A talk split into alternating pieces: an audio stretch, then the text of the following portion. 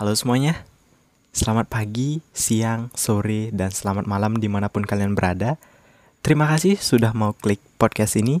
Semoga kalian bisa terhibur, tapi sepertinya akan susah karena ini materi kuliah. Gak apa-apa, biar pernah gitu ada orang yang Spotify, terus pas ditanya ngapain, jawabnya belajar. oke oke, langsung saja. Kali ini aku bakal bahas tentang destinasi pariwisata. Nah, mungkin nih, mungkin di antara teman-teman pasti udah familiar lah sama kata destinasi.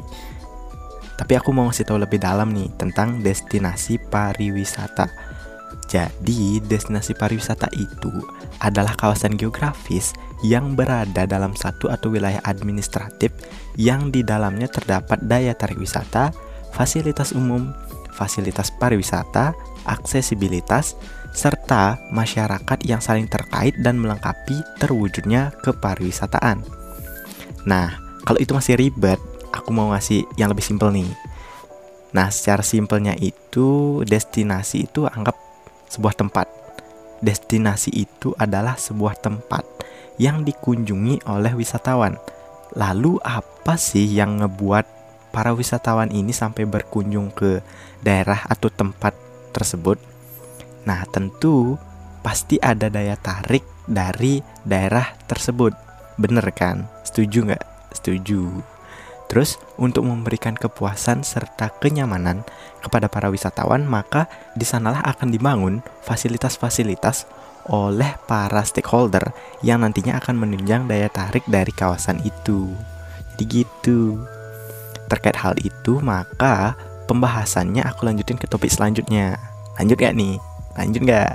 Lanjut lah, masa enggak?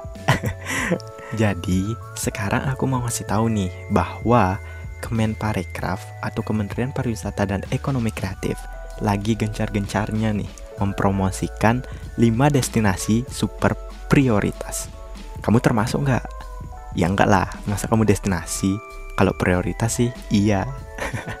eh, tapi boleh juga sih kalau mau masuk. Tapi saran aku jadilah destinasi prioritas yang berkelanjutan nggak yang canda lanjut lanjut jadi 5 destinasi super prioritas itu merupakan bagian dari program 10 Bali baru yang dicanangkan oleh pemerintah. Di sini khususnya Kementerian Pariwisata dan Ekonomi Kreatif.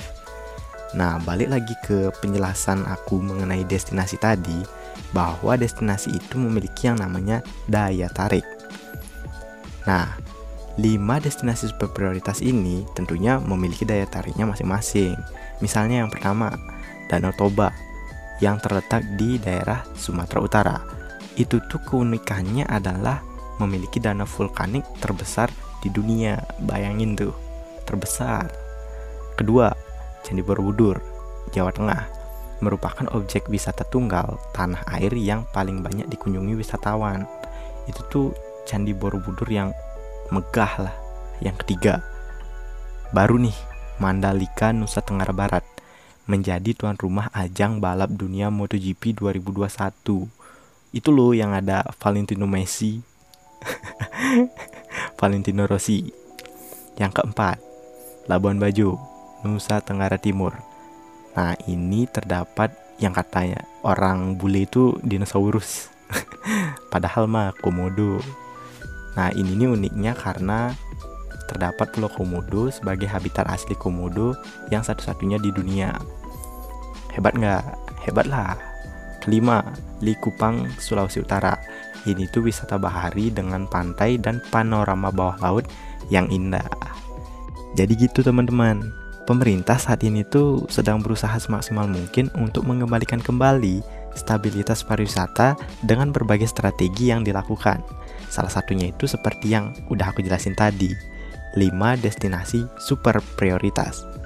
Oke, gak kerasa nih, udah lumayan lama aku ngomong.